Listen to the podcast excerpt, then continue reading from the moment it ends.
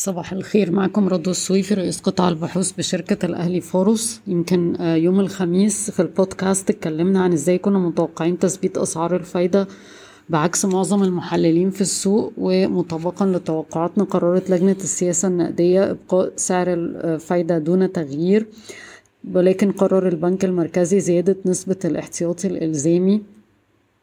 من 14% ل 18% على الودائع المحتفظ بيها في البنوك بالعملة المحلية واستحقاقها أقل من ثلاث سنوات. آه، كما تظل نسبة الاحتياطي الإلزامي المطلوبة على الودائع بالعملات الأجنبية كما هي عند عشرة في المية. إحنا شايفين إن الحفاظ على أسعار الفايدة كان منطقي في ضوء اتجاهات التضخم المتوقعة وإن هو تضخم مدفوع بزيادة التكلفة هبوط أسعار السلع العالمية وطبعا آه، الضغط الموجود حاليا على ميزانية الدولة والرغبة في دعم النمو الاقتصادي.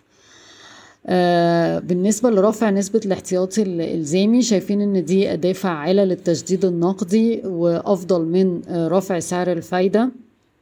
البنك المركزي بيستهدف سحب سيولة بيها حوالي 140 ل 150 مليار جنيه. أه وبفكركم إن البنك المركزي استخدم الأداة دي قبل كده في أكتوبر 2017 طيب بالنسبة للتأثير على قطاع البنوك أه طبعا دلوقتي في نسبة أعلى من الودايع هيتم احتفاظ بيها في احتياطي إلزامي لدى البنك المركزي وبالتالي آه، البنوك هتفقد العائد على تلك الأموال التي كان من الممكن استثمارها في قروض أو في أذون خزانة.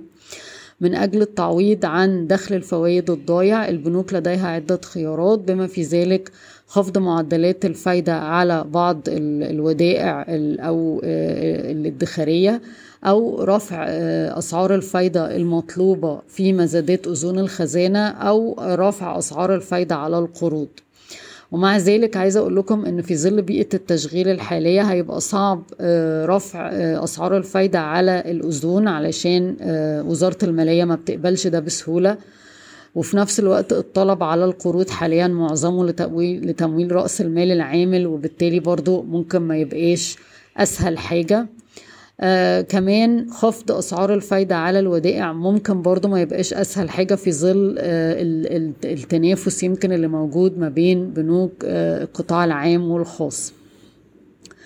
ولكن يعني لما بصينا على 2017 لقينا إن البنوك حاولت تلجأ ل آه، يعني الحلول الثلاثه مجتمعة عشان تقلل الضغط على الهوامش ولكن برضو آه، يمكن لمدة ست شهور بعد القرار آه، حصل ضغط على هامش صافي الفايدة عند آه، البنوك. وإحنا لما بصينا طبعا لقينا إن أكتر بنوك هتتأثر هي اللي عندها ودائع استحقاقها أقل من ثلاث سنين علشان تم تطبيق القرار على الودائع استحقاق أقل من ثلاث سنين أو عندها ودائع أكتر بالمصري أكتر ما عندها ودائع بالدولار.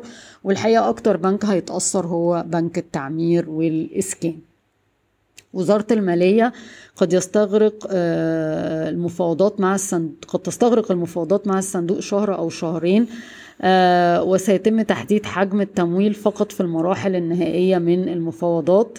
تتطلع مصر إلى الصين واليابان لإيجاد سبل جديدة لجمع تمويل بالعملة آه، الأجنبية وفي حدود 500 مليون دولار من كل دولة.